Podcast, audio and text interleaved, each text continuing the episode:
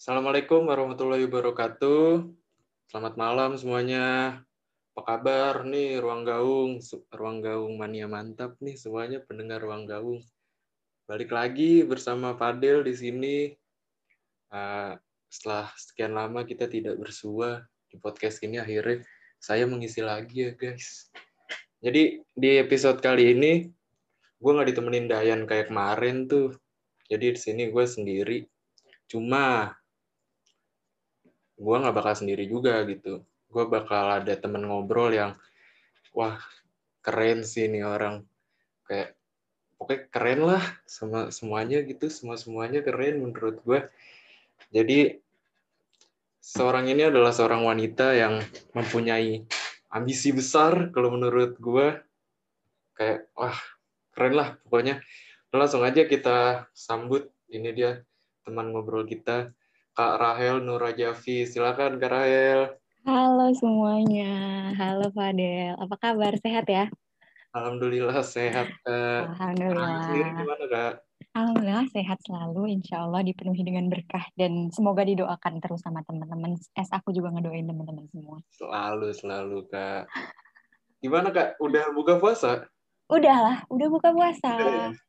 Alhamdulillah. Alhamdulillah. Alhamdulillah masih dikasih rezeki juga bisa iya. buka.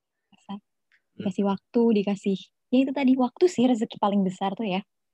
Iya, jadi bagi teman-teman yang nggak tahu nih, Kak Rahel Nurajafi adalah Ketua PPI AYUM periode sekarang gitu. Ketua PPI kita semua nih, Ibu Ibu Ketum, saya sangat bangga dan berterima kasih Kak Rahel sudah mau diundang ngobrol-ngobrol di sini, Kak.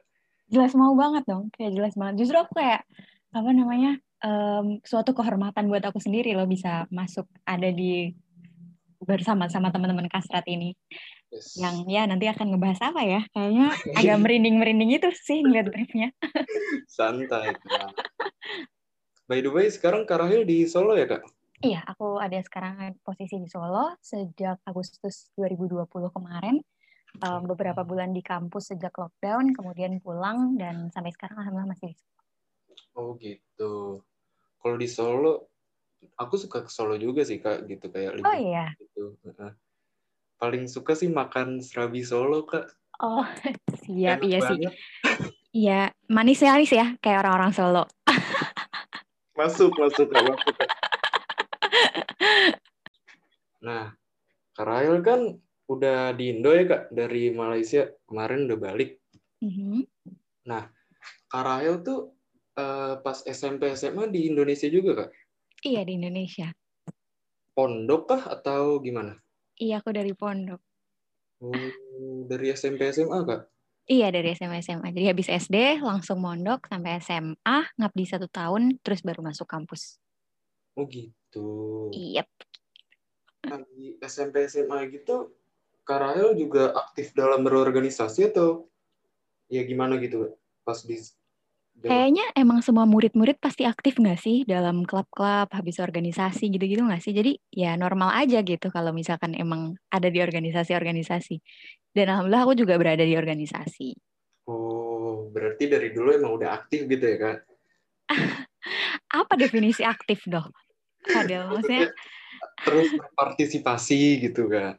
Iya, kalau misalkan di pondokku itu tuh kayak emang partisipasi tuh wajib sih, jadi nggak bisa dikatakan fully aktif gitu karena ya emang apa namanya menjadi partisipan itu adalah wajib gitu, bukan bukan suatu pilihan tapi emang kamu harus ikut itu gitu.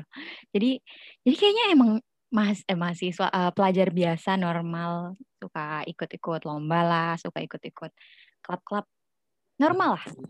Hmm, gitu, soalnya aku dari SMP SMA emang nggak aktif gitu kan dalam berorganisasi, makanya sekarang masuk PPI kayak wow teman-temanku semuanya aktif semua ya gitu.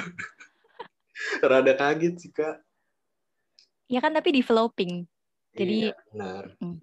Semuanya ya berproses lah kak. Tidak ada yang tidak aktif, yang ada sudah mulai aktif dari kapan dan sedang dalam proses menjadi aktif gitu nggak sih? Ya, mantap sekali emang ketua ibu ketum kita. Okay. jadi dari hmm. SMP SMA emang udah aktif berorganisasi ya Kak Rahel gitu.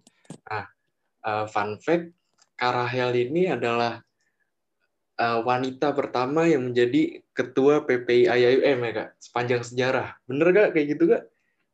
Uh, menurut sejarah sih gitu. Tapi aku pikir kayak partisipasi wanita di PPIM juga udah besar banget nggak sih? Artinya kayak organisasi kita ini PPIM itu tidak tidak apa ya nggak ngasih um, kotak-kotak perempuan itu harus yang jadi bagian ini kah atau bagian apa. Jadi artinya kayak partisipasi sudah besar sekali, sudah sangat banyak perempuan didukung dan tidak di apa ya nggak di stop buat nggak ada di organisasi dan hmm. ya alhamdulillahnya kali ini um, aku maju ke situ gitu ke arah itu. Oh gitu. Iya sih sebenarnya dari anggota-anggotanya juga kan nggak cuma cowok doang gitu kayak mm -hmm. banyak banget juga anggota wanita dari PPIUM sendiri gitu kan. Mm -hmm. Nah uh, dari sebelum-sebelumnya emang udah Karahel planning akan menjadi ketua atau ada trigger apa sih kak waktu sebelumnya itu kak? Harus banget di spill di sini ya? ya siapa tahu Karahel mau mau sharing gitu ke teman-teman. Um, kalau misalkan pemikiran-pemikiran ingin jadi ketua, kayak pertama kali masuk kampus tuh pernah ada kepikiran nggak sih kayak, wih keren ya PPI gitu, maksudnya? Iya sih. Maksudnya di di kepala semua orang pasti pernah tersirat hal-hal kayak gitu kan. Mm-hmm. Cuman kemudian uh, diikuti sama perjalanan-perjalanan, ada yang kemudian bosen, ada yang kemudian nggak ingin lagi, ada yang kemudian dulu ah cuman mimpi lewat aja gitu. Dan kayak kebetulannya di tahun hmm. ini itu banyak sekali teman-teman yang supporting ada adalah orang-orang yang supporting aku dari belakang dan benar-benar kayak boosting Rahel maju gitu jadi kayak oke okay, oke okay, gitu. oh gitu ternyata awalnya mm. tapi kan uh, maksud aku dari sebelum-sebelumnya kan belum ada nih gitu kayak ketua PPI-nya yang wanita gitu. Sementara mm. Rahel sendiri kan aku bukan yang mengkotak-kotakan gender tapi mm -hmm. dari track recordnya kan kelihatan nggak ada nih uh, Karahel jadi pionirnya lah gitu kan untuk jadi ketua wanita pertama. Itu ada kekhawatiran sendiri gak sih kak tadinya kak? Jelas lah, khawatir kan muncul di siapa aja dan kapan aja dan bagi siapa aja kan kayak regardless sekuat apa pun kamu, mentally kuat apa pun kamu pasti khawatir itu selalu muncul dan khawatir juga muncul pada saya gitu. Artinya khawatir kalau nanti apa namanya nggak bisa manage waktu lah, khawatir nanti um, bingung physically lah, khawatir nanti mentally juga kenapa-napa lah itu itu pasti datang ketika di awal-awal untuk memikirkan hal-hal. Justru dan um, uh, fascinatingly uh, hari habis hari habis submitting ini semua data-data yeah. buat daftar jadi calon kandidat itu kayak uh, di minggu-minggu uh, satu minggu kalau nggak salah sampai hari MMT itu aku turun berapa kilo ya saking saking bener-bener di depan laptop nyariin data-data buat tim ses itu kayak stres banget. Dan uh, dan habis itu kan kayak telepon-telepon ke ketua-ketua yang lalu-lalu jadi kayak yeah. dari periode-periode sebelumnya. Terus mereka itu kayak ceritain pressure-pressurenya apa aja terus jadi kayak Rel kenapa daftar? Rel kenapa daftar? gitu. Tapi alhamdulillah semua ada ininya sih. Insya Allah semua ada hikmahnya dan ya naik turun lah ya. Maksudnya perjalanan menuju MMT itu udah lika-liku naik turun terombang ambing sama kekhawatiran-kekhawatiran yang pasti muncul. Dalam Alhamdulillah sekarang masih ada di sini. Iya, ternyata Bantu. terjadi gitu ya, Kak. Iya, jadi um, apa namanya? Menariknya lagi adalah teman-teman anggota kamu, uh, teman-teman kastrat, teman-teman PND, lead bank, semuanya lah. Apa nggak bisa aku sebutin satu-satu, Medivo, uh, hmm. ya pokoknya semua divisi. Alhamdulillah itu kooperatif banget gitu juga loh. Artinya kalau misalkan mereka nggak aku mereka nggak aku hubungin untuk untuk AIUEO mereka yang lapor. Dan alhamdulillah pembagian-pembagian di BPH itu juga kayak udah nge-backup banget. Jadi artinya pembagian tugas-tugas job desk uh, teman-teman badan pengurus harian itu sangat sangat kooperatif dan membantu. Dan ah uh, blessing banget dah emang apa ya punya kalian sih. Kayak blessingku itu adalah punya kalian sih. Jadi jadi khawatir itu tuh ditutup sama adanya kalian gitu loh. Makasih oh. banyak loh.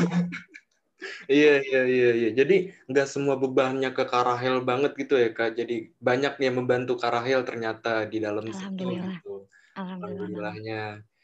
Kayak yang tadi Karahel ngomong bener sih kak. Kayak setiap orang ngelihat kayak jadi ketua PPI atau jadi anggota PPI kayak wih keren ya gitu dari awalnya gitu. Aku pun sendiri dari awal masuk kayak, wih kayaknya keren nih kalau gue masuk, kalau gue jadi ketua PPI gitu kan, kayaknya keren nih gitu. Uh -huh. Terus pas kemarin MMT ya pas Kak Rahel sidang gitu kan, yang rame-rame di siarin di Zoom, aku ngelihat ada ini kan, ada uh, tes yang tajwid-tajwid gitu loh kan. Yang Iya. pembacaan di situ aku kayak, aduh gue mana ngerti ditanyain gini ya. Cuman itu menariknya PPIAUM sih. Uh, menariknya PPIAUM artinya kayak um, tes-tes agama itu tuh jadi landasan kalau misalkan kamu maju artinya ya biar apa ya kalau misalkan di Quran itu tuh pemimpin yang baik memang pemimpin yang memahami agama jadi wah aku aku tidak mengatakan kalau aku paham agama tapi artinya um, dengan itu dijadiin um, apa ya standar tesnya itu ya semoga secara tidak langsung merepresentasikan bahwa kita semua setidaknya um, punya apa ya care of uh, religion gitu loh uh, FYI pas tajwid aku ada salah satu soal loh. jadi jadi jangan anggap saya sealim itu karena saya pun salah. iya sih kak, cuman kan saya juga nggak ngerti kalau Karael bener atau salahnya juga. iya, bisa dipelajarin dikit-dikit kok. Ayo Fadil semangat, mungkin uh, tahun depan sebentar lagi akan ada pembukaan ya, MMT bentar lagi. Enggak, enggak, enggak bakal sih kakaknya enggak bakal. Uh, Seru hmm. juga ya ternyata ketua PPI kita guys. Tadinya aku deg-degan loh. Iya kemarin aku dikabarin sama beberapa, nggak beberapa sih, di, dikabarin sama anak kastrat. Ini Fadel persiapin buat ini. Kayak dia bingung banget, Cel. Takutnya, takutnya gimana-gimana. Terus aku jadi kayak mikir, emang aku semonster itu ya? Seserem itu ya? Enggak juga sebenernya. Cuman aku kayak ada rasa segennya gitu loh kak. Kayak yeah. aduh gimana gitu takut uh, takut so asik ntar dibilangnya nggak sopan gitu. Makanya nggak nggak nggak nggak ada sih. Kalau kalau menurutku terma-terma nggak sopan itu kayak aduh apa ya kaku banget hidup kalau kayak gitu mulu. Ya nggak sih? Iya pun kita juga kayak jaraknya dikit banget kecuali kalau jarak kita kayak 10 tahun tahun iya tahun tuh kayak baru baru menghormati. Cuman kayak iya ya, ya temen doang ini mah santai. Iya. Nah, Kak Rahel kan udah hampir setengah periode ya Kak nih memimpin ya Kak di ya. di PPIAM ini. Tentunya setiap orang kan punya idealisme atau ya kemauan dari dirinya dia sendiri lah Kak yang menurut dia tuh wah ini nih kayaknya cocok nih atau ini nih gua banget gitu kan. Nah, Kak Rahel selaku pemimpin gitu, gimana sih Kak cara menempatkan idealisme kakak dalam berorganisasi gitu? Ada strateginya gak sih kak? Kalau dari Kak Rahel? Berat banget pertanyaannya. Berat banget. Apa ya?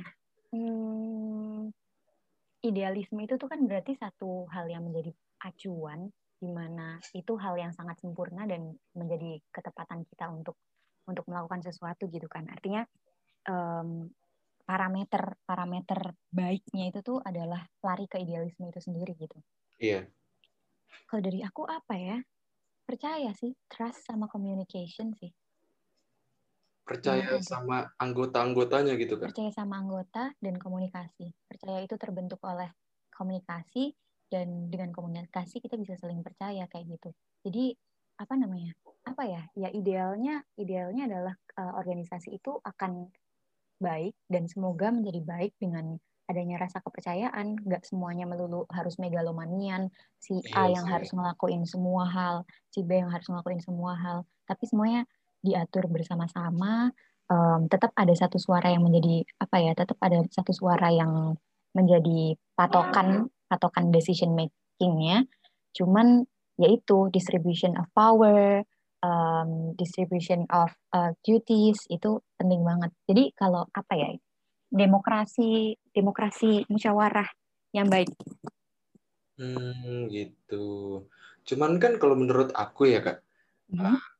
dalam bekerja dalam bekerja intim gitu ya kak, dalam hmm. satu tim itu kan, kalau buat aku untuk percaya sama orang itu nggak segampang itu loh kak. Betul menurut banget. aku ya. Betul banget.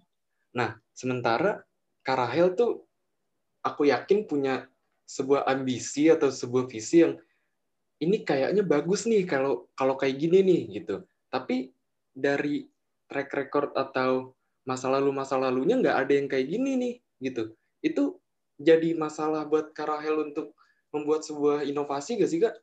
Maksudnya gimana? Jadi kayak what people made is not apa namanya it's beyond our expectation gitu bukan beyond sih malah lebih rendah dari ekspektasi kita gitu maksudnya Mak iya maksudnya kayak ini harusnya bisa lebih bagus nih gitu.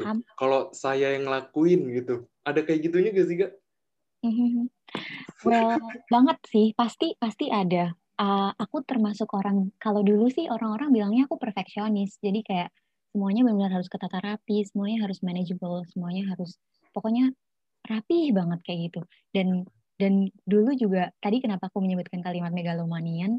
Karena dulu aku pernah terjudge megalomanian juga megalomanian itu tuh jadi adalah ketika kamu um, memiliki apa ya memiliki suatu uh, kewajiban dan wewenang tapi kamu akhirnya melakukan semua kerjaan itu demi perfection yang kamu harapkan kayak gitu. Oh, Maksud nggak? gitu. Nah, Iya, iya, tapi iya, iya. dengan diposisikan uh, berada di sini, Rahel jadi kayak lebih lebih belajar how to distribute tadi, kayak how- how to distribute job, how to distribute, Hmm. distribute duties, dan dan emang kalau misalkan kita mem- apa ya, kalau misalkan kita menjadikan diri kita megalomanian itu tadi, itu tuh nantinya itu bakal toxic buat kita sendiri, toxic buat Iya, iya, lingkungan, benar, benar, benar. yang yang yang kata mungkin if if I made it, it's gonna be that perfect, but Mm-mm. apa namanya tapi kamu doang yang akan develop gitu loh Iya, iya benar. orang lain nggak develop kayak gitu Iya. memang sih apa namanya mungkin kayak eh, mungkin Fadil contohnya aku ambil contoh Fadil aja Fadil di podcast sebenarnya Fadil udah bisa nih kayak ngatur arrangementnya ngobrolin apa aja ini apa aja ini apa aja kayak Iya. outline-nya apa aja pembahasannya ini itu cuman dengan Fadil kayak ngasih itu ke teman-teman kastrat kayak gitu tuh kan membuka pikiran pikiran-pikiran lain, membuka ide-ide lain dan kritik dari yang lain. Artinya ada masukan, akan ada hal seperti ini seperti ini. Meskipun pada hakikatnya kalau misalkan Fadel bikin sendiri pun itu udah bisa jadi perfect banget gitu. Iya, Cuma iya, dengan membagi hal tersebut akhirnya dia jadi lebih bisa holistik gitu. Jadi ini semua itu tuh nggak melulu tentang perfection, tapi ini tentang uh, bagaimana kita bisa memeluk semua part, bagaimana kita bisa memeluk semua organ, biar semua itu tuh mendapatkan nutrisi yang sama gitu. Oh, iya, iya, iya. iya. Gila, gila, Kok, gila. kok jadi nutrisi ya? Soalnya tadi aku bilang kayak gitu, kepikirnya kalau misalkan kita minum air putih, air putih kan larinya nggak ke otak doang, tapi air Iya, putih juga harus ke distribut ke tangan, ke Iya. kaki, ke jantung, ke lalalali lili, kayak gitu. Oh iya, iya. Gila nih, gue baru berapa menit aja belajar banyak banget nih ruang Mania nih. Keren banget. Kagum banget loh aku gak. Sebel banget. Apaan sih? Enggak ini panjat aja buat biar tahun depan lah. Heeh, paham kok, paham. Aku juga ngomong apaan sihnya juga biar nyambung aja gitu. Padahal mah biasa aja. Bercanda, bercanda, bercanda. Nah, nah dari yang tadi kakak bilang untuk supaya bisa kita semuanya lah gitu kan dalam demokrasi itu dalam sebuah organisasi itu kayak kita harus men- mengenyampingkan sisi perfeksionis kita terhadap suatu hal gitu kan kak. Betul banget. Uh, dalam mendevelop tim ini Kak Rahel tuh emang langsung percaya sama orang atau semuanya tuh ada prosesnya sih kak sampai kakak bener-bener percaya bahwa orang ini bisa kayak apa yang Kak Rahel mau gitu. Hmm, kalau dari aku sendiri, pertama aku harus kenal orangnya sih. Maksudnya benar-benar kalau key points-nya ya, orang-orang yang menjadi key points itu, aku benar-benar kenal orangnya. Even if aku nggak benar-benar kenal orangnya, eh, secara appearance mereka baik di aku. Dan alhamdulillahnya dari aku juga, aku nggak suka kayak eh, judging people kayak dia jahat, dia baik. Nggak, aku kalau dari aku alhamdulillahnya mudah mudah menerima orang. Semoga ya. Hmm. Uh, dan dan dengan nature sifat itu mempermudah aku untuk mengenal orang lebih jauh juga gitu. Dan alhamdulillahnya sih kembali lagi alhamdulillahnya uh, blessingnya itu tuh muncul dari kalian. Jadi alhamdulillah ketika aku memilih orang-orang A B C D E ini yang apa berdiri sebagai BPH dan koor-koor ini um, uh, ya rata-rata rata-rata udah sampai di ekspektasi lah meskipun pasti hal-hal yang nggak sampai di ekspektasi itu ada minus-minus tuh muncul cuman ya Hmm, overall iya sih. overall baik lah alhamdulillah Oh iya iya iya iya. iya. Jadi semuanya tuh harus step by step lah ya kak untuk mencapai Betul. semuanya gitu nggak bisa langsung percaya atau bisa langsung ngelakuin ini itu ini itu nggak bisa lah ya kak. Nah dalam organisasi ini kan tentu melibatkan banyak orang ya kak dan Hmm. seperti yang kak Rahel ngomong tadi setiap orang itu menjadi ada koneksinya gitu, ada apa berkaitan satu sama lain gitu kan kak dalam berorganisasi ini. Nah tentu dalam organisasi itu ada orang yang pro dan kontra terhadap personal Kak Rahel atau visi misi Kak Rahel untuk organisasi ini kan Kak? Pasti kalau menurut aku secara manusia kita pasti nggak bisa gimana ya? Ya itu manusiawi lah untuk pro hmm. kontra terhadap seseorang atau terhadap sesuatu gitu. Nah Kak Rahel tuh tipe orang yang bodoh amatan atau Kak Rahel mencari tahu masalah itu sih Kak? Aku nggak bisa bodoh amat sih. Kayak wow untuk hal ini aku modelan yang benar-benar nyari tahu kayak if people literally talk about me or hmm. about talk about something which related to me, I need to find it out. Terus habis aku tahu hal itu, masalahnya apa? Jadi kayak uh, ada yang berbicara di belakang seperti ini, aku harus tahu alasannya dia bilang kayak gitu apa, buktinya apa. Terus um, iya, jadi kayak uh, dia punya judgmental A B C D E tentang tentang aku atau tentang apa yang aku lakukan uh, kenapa kamu mengatakan hal itu dengan sebutkan buktinya gitu. Maka dari situ ayo kita diskusi aja yuk. Jadi nggak suka loh kalau sesuatu itu muncul kedengar dari belakang terus nunggu flows aja terus akhirnya um, masalah hilang oleh waktu aku nggak bisa kayak gitu aku modelnya yang kayak aku mau cari tahu um, ada problem apa ayo kita selesaikan kalau kamu mau selesaikan tapi kalau kamu pengen kamu yang menang dan saya yang kalah itu juga hmm. nggak apa-apa karena kalah kalahku pun belum tentu kalah untuk diriku gitu. Maksud nggak? Iya iya iya. Masuk masuk masuk masuk masuk. Dan itu berlaku untuk setiap hal kak. Nggak cuma di organisasi doang? Mostly untuk setiap hal. Oh gitu. Even personal even personal things pun kalau misalkan di belakang ada yang berkata Rahel gini gini gini gini. Rahel modelannya yang kayak aku lebih suka eh ada masalah apa nih? Kayak gitu. Jadi kayak sok sok kenapa nih ngomongin gue di belakang? Gitu. Tapi enjoy ngomongnya terus cari tahu aja sebenarnya masalahnya kayak gimana. Terus kalau bisa elaborating aku elaborate habis itu ya ya semoga masalahnya selesai. Dan dan ya itu finalnya itu tuh bukan untuk ngomongin siapa ngomongin siapa cuman ya kalau ada masalah ayo kita cari solusinya cari kayak. jalan tengahnya ya kak? Yes betul banget. Ya walaupun dalam kalau kita mencari masalahnya itu atau mencari sebabnya itu kadang nyakitin diri kita sendiri gak sih kak? Betul banget. Nah ini ini yang per per perlu perlu dipelajari banget semakin kita dewasa. Kadang-kadang kita harus belajar jadi batu juga. Iya Nggak semuanya semuanya semua kuping masuk nih masuk ke kuping. Tapi waktu masuk hati hatinya tetap harus punya tameng. Nggak semuanya nancep-nancepin hati gitu kasihan hatinya tetap ditamengin. Iya, iya, iya, iya. Karena pasti yang pahit itu datang, pasti. Pasti, pasti. pasti. Mm -mm. Cuman kadang kan yang dibicarain orang gitu, mungkin itu tuh kita nganggapnya ya udahlah itu terserah lu mau ngomong kayak gitu ya gue ya gue ada tipe orang yang kayak gitu kan kak mm-hmm. kayak mm-hmm. ya yang paling bener ya gue gitu apa yang lo omongin nggak bener jadi gue bodoh amat gitu kan mm-hmm. ada orang yang kayak gitu gitu nah mm-hmm. aku salah satu orang yang kayak gitu dulu kak kayak hmm. ya udahlah lu mau ngomongin gue mau kayak gimana ya? Ya gue pilihan gue ini gitu loh.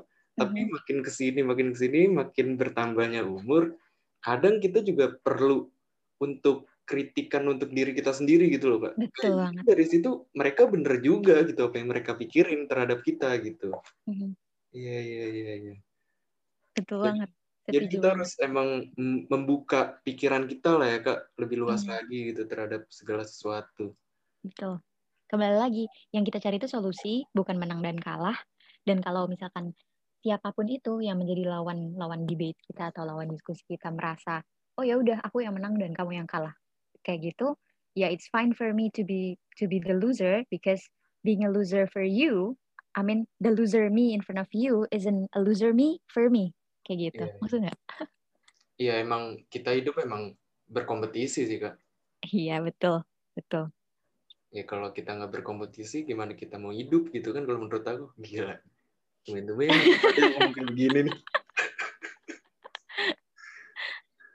Uh, tapi Karahel untuk uh, masuk organisasi atau uh, berpartisipasi gitu loh ya kak. Mm-hmm. itu Karahel emang pengen membuktikan diri pada orang-orang atau diri sendiri bahwa Karahel itu mampu atau Karahel emang mencari wadah untuk bisa menuangkan apa yang ada di pikiran Karahel sendiri gitu kak kayak ini kayaknya kalau gua masuk nih bakal bisa lebih oke okay nih gitu ada pikiran kayak gitu gak kak untuk masuk ke dalam sebuah organisasi kak aku lebih ke yang kayak kedua sih artinya um, bukan untuk menunjukkan ke orang tapi hmm. kayak hmm. ya it's place for for exploring myself untuk mengetahui aku juga lebih dalam dan improving aku sendiri karena kembali lagi kalau misalkan kita tarik dari pembahasan kita di awal dulu I used to be megalomanian I used to be perfectionist something like that tapi yeah. dengan masuk ke organisasi akhirnya jadi I explore myself. Aku jadi lebih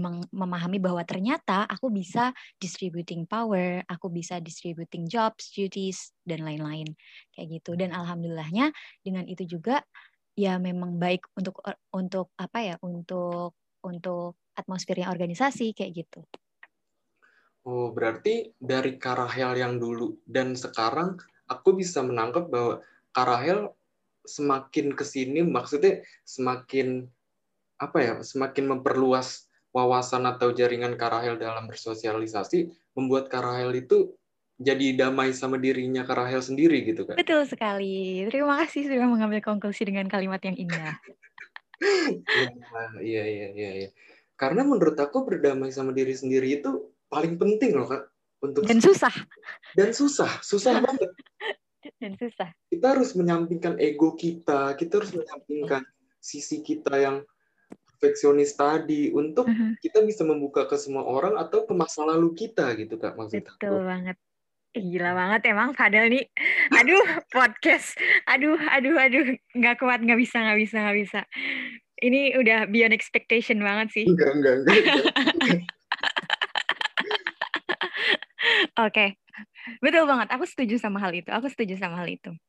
Ya, karena kayak yang tadi aku nanya, untuk membuktikan diri ke semua orang atau ke diri sendiri, itu ada kalau menurut aku ke orang kayak gitu orang yang belum bisa berdamai dengan masa lalu masa lalunya gitu uh, mungkin dia akan menunjukkan kalau gue tuh nggak kayak yang gitu loh gue tuh nggak kayak yang dulu loh gue bisa yang yang lebih dari yang lu pikirin gitu kan kadang tuh ada orang yang kayak gitu juga gitu maksud aku. Makanya which is nggak salah juga kalau kayak iya gitu sih. iya nggak salah juga. Maksudnya validasi ingin ingin divalidasi oleh diri kita sendiri ingin divalidasi oleh society kan itu sebenarnya tahapan. Maksudnya nggak selamanya aku pun ada di organisasi ini untuk hanya untuk apa namanya developing myself kok somehow kadang-kadang apa namanya pasti semua dari kita juga ingin divalidasi oleh diri kita sendiri dan ingin divalidasi oleh society itu nggak bisa didinai Iya benar-benar. Cuman gimana akan hal itu uh, ya, betul banget. Cuman gimana kita show it up aja yang akan nanti akan jadi masalah atau enggak. Kalau kita terlalu show it up, kesannya nanti jadi kayak apa ya? Showing off kan nggak baik gitu. Iya benar-benar. Jadi semua semua ada partnya dan semua nggak buruk kok dari pilihan dua itu tadi. So ya yeah, keep improving. Kelas banget Karahel Nurajavi ini guys. Gile gile gile. Oke nih kita ngomongin organisasi dari A sampai Z kayak wah banyak banget sih ilmu yang bakal kita dapet nih dari podcast kali ini. Kalau buat gua ya semua nih ruang gaung mania mantap nih ya semoga dari kata-kata kita ngobrol ini bisa membuat pikiran kalian lebih terbuka lah atau mendapat apa ya mendapat pencerahan mungkin Enggak sih, aku enggak secerah itu sih untuk iya. memberikan iya. pencerahan. Kayaknya emang saya juga enggak sih. nah, kalau dari tadi kita udah ngomongin organisasi nih, hmm. kalau kalau yang aku lihat di Instagramnya Karahel, Karahel sebegitu mengidolakan sosok almarhum Bapak Sapardi Djoko Darmono, Kak? Lucu sih pertanyaannya. Bagus, bagus. Bagus, bagus improvisasinya ya, teman-teman kastrat lanjutkan. bagus, iya. Aku sangat suka. Aku sangat suka beliau dan tulisan-tulisan beliau. Hmm, emang dari dulu kak, kakak udah um, gitu? Nggak, nggak, nggak lama banget sih, baru 2018. Baru 2018 itu ada kayak monolog hmm. uh, dan aku dengerin monolognya dan itu um, habis itu ada talk juga itu ngebahas tentang aku inginnya Pak Sapardi hmm. dan dan ya udah jatuh cinta aja gitu kayak sejatuh cinta itu kayak emang sebagus itu puisinya Dan habis itu tuh se-excited itu sampai-sampai setiap ketemu orang, tau gak sih, tau gak sih, Rehan mau bacain puisi. Terus aku bacain puisi. Terus ketemu orang lain, aku aku bener-bener kayak yang, tau gak sih, tau gak sih, Rehan baru nemuin puisi. Aku mau bacain kamu puisi. Kayak gitu. Se sampai Iya, se-freak iya. itu karena emang bagus banget. Hmm, Cuman aku lebih memilih kalimat kayak I have some enthusiasm on things dan aku suka kayak menyampaikan hal itu ke orang lain. Uh, whether orang lain menilai aku sebagai poser atau sebagai apakah itu uh, Iya. terserah orang lain Terserah bagaimana mereka. menilainya. Cuman aku menganggap kayak kalau hal itu memang baik dan indah, kenapa tidak gitu? Itu aja sih. Iya, iya, iya, iya. Jadi karya pertama almarhum Bapak Sapardi yang Kak Karahel Kagumi itu ya monolog tadi itu, Kak? Hmm, si si ini uh, aku ingin. Oh, aku ingin. Yang aku Klasik sih semua orang semua orang suka. Iya, iya, aku juga suka sih, Kak. Oh iya, wah jadi padahal ternyata baca puisi juga. Enggak, dulu aku pernah nyampein puisi itu ke mantan aku, Kak. Wah. boleh, boleh, boleh. Boleh, boleh, Iya, boleh, iya. boleh. Oke. Gimana tuh? Apa jawaban mantanmu ketika dikasih puisi itu? Wih, keren banget. Oh. kok bisa sih dia bikin kayak gitu? Enggak, itu bukan gue yang bikin. Nyampein aja gitu kan. Hmm, Tapi memang sebagus itu, memang sebagus itu, seindah itu. iya, iya, Artinya, iya. Kayak ketika orang membaca itu tuh orang-orang memiliki interpretasi yang berbeda-beda kayak gitu. Iya, Kan penulis penulis pasti juga punya tujuan dan punya arti sendiri kan dalam membuat puisi tersebut. Namun Iya, orang-orang memiliki interpretasi yang berbeda-beda dan secara nggak langsung apa ya puisi ini itu tuh bagiku kayak miniatur hidup juga sih.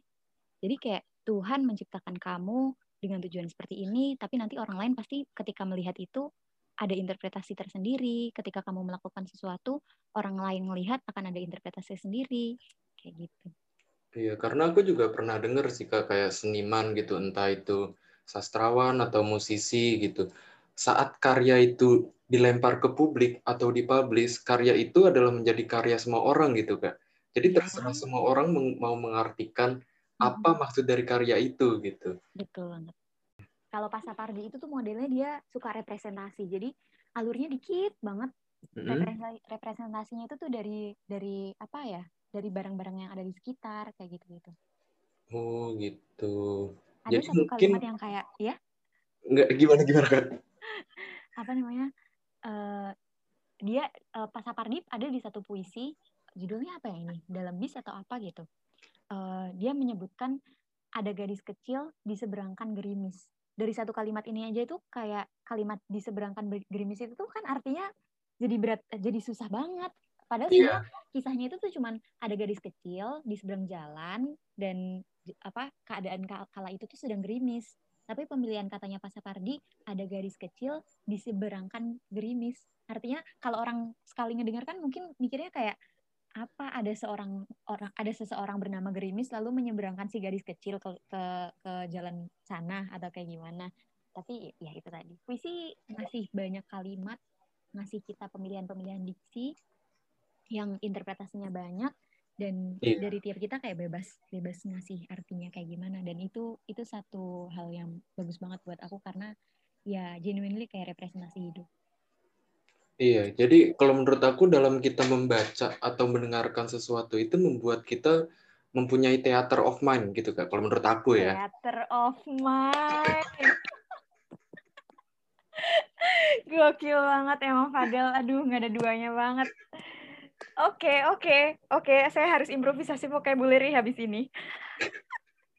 Iya, jadi imajinasi kita tuh atau halusinasi kita tuh bermain gitu kan dalam Betul. se- sesuatu tersebut gitu. Betul. Karena secara tidak langsung otak kita sendiri yang mendeskripsikan apa yang kita dengarkan atau apa yang kita baca dari hal tersebut gitu. Mhm, Betul. Oke, nih setelah tadi kita udah ngomongin organisasi, kita udah ngomongin kehidupan, kita udah ngomongin sastrawan yang Kak Rahel kagumi gitu ya Kak. Mhm, Nah, untuk terakhir nih Kak, mhm. goals Kak Rahel ke depan antara kehidupan pribadi Kakak atau dalam berorganisasi apa sih Kak goals-nya Kak ke depan? Yang Dalam paling kehidupan deket deh Kak, yang paling deket. apa ya? dalam organisasi nih. Ya terserah dari untuk organisasi atau untuk diri sendiri, Kak Rahel. Klise jawaban-jawaban klise menjadi pribadi yang lebih baik. Tapi ya pasti menjadi pribadi Iya, yang baik iya. ini. Aku pengen financially freedom juga mendapatkan mendapatkan rasa apa financial freedom. Sekarang Mm-mm. sudah tahun se- sebentar lagi tahun terakhir kampus dan kayak Hmm. wow, saya sebentar lagi lulus. Wow, Iya. saya mau melanjut S2 tapi kalau nggak punya duit, kamu bisa apa? Kan kayak gitu. Iya benar benar benar. Jadi financial freedom, sesuatu hal-hal semacam itu um, um, bisa menjadi memori yang baik buat orang. Itu harapanku. Hmm, iya iya iya iya. Mengurangi musuh, um, nggak apa-apa nggak nambah temen, tapi jangan sampai nambah musuh dan bisa menjadi memori yang baik untuk orang-orang di sekitar. Iya benar benar benar. Kalau kata orang mendingan mempunyai satu teman lebih susah mendapatkan satu teman daripada mendapatkan seribu musuh ya kak. Betul. Benar benar benar. Karena Karena emang udah bilang. judge mulu manusia. Ah, betul. Ah, Astagfirullahaladzim. Parah, parah, parah, parah. Iya, iya. Jadi nggak kerasa nih udah, udah sebenarnya sih kalau aku pribadi nih kayak belum cukup sih kan ngobrol sama Karayel ternyata Karayel gila, Iya. gila, gila. mantap banget Karayel. Tapi kalau misalkan podcast lama-lama juga kasihan yang dengerin nanti. Iya. Iya. Ya, Tapi apa daya lah kak waktu yang memisahkan kita gitu. Ya. mm-mm. Dan untuk semuanya jangan lupa jaga kesehatan, jangan lupa istirahat yang cukup untuk semua pendengar ruang gaung nih. Jangan terlalu sibuk akan dunia gitu. Gila. Akhirat banget ini, akhirat oriented. Enggak, enggak, enggak, enggak segitunya sih. Oh, nggak apa-apa, nggak apa-apa. Bagus, bagus. Ini kajian-kajian Ramadan kan? Iya, Ditutupnya dengan kajian-kajian Ramadan. eh, emang harus menyesuaikan dengan situasi dan kondisi. Ya udah, terima kasih Kak Rahel udah mau ngobrol-ngobrol bareng aku di podcast kali ini, di episode kali ini. Makasih juga, Padel. Semoga semua goals dan impian kakak ke depannya dapat tercapai ya kak. Amin. Amin. Amin. Ya Rabbal Alamin. Ya, jadi sekian dulu untuk episode kali ini bersama Kak Rahel Nurojavi. Yang positifnya bisa diambil, yang Iya, amin, amin, boleh samping. Mohon maaf ya teman-teman kalau ada salah kata-salah kata dan kurang sesuai kalau statementnya beda pendapat gitu. Mohon maaf banget. Iya, aku juga di sini sebagai host minta maaf kalau ada kesalahan-kesalahan kata. Ya mungkin kita tutup episode kali ini. Terima kasih semuanya yang udah dengerin. Jangan lupa stay tune terus di podcast Ruang Gaung on Spotify. Terima kasih semuanya. Terima kasih Kak Rahel. Terima kasih. Assalamualaikum warahmatullahi wabarakatuh. Assalamualaikum.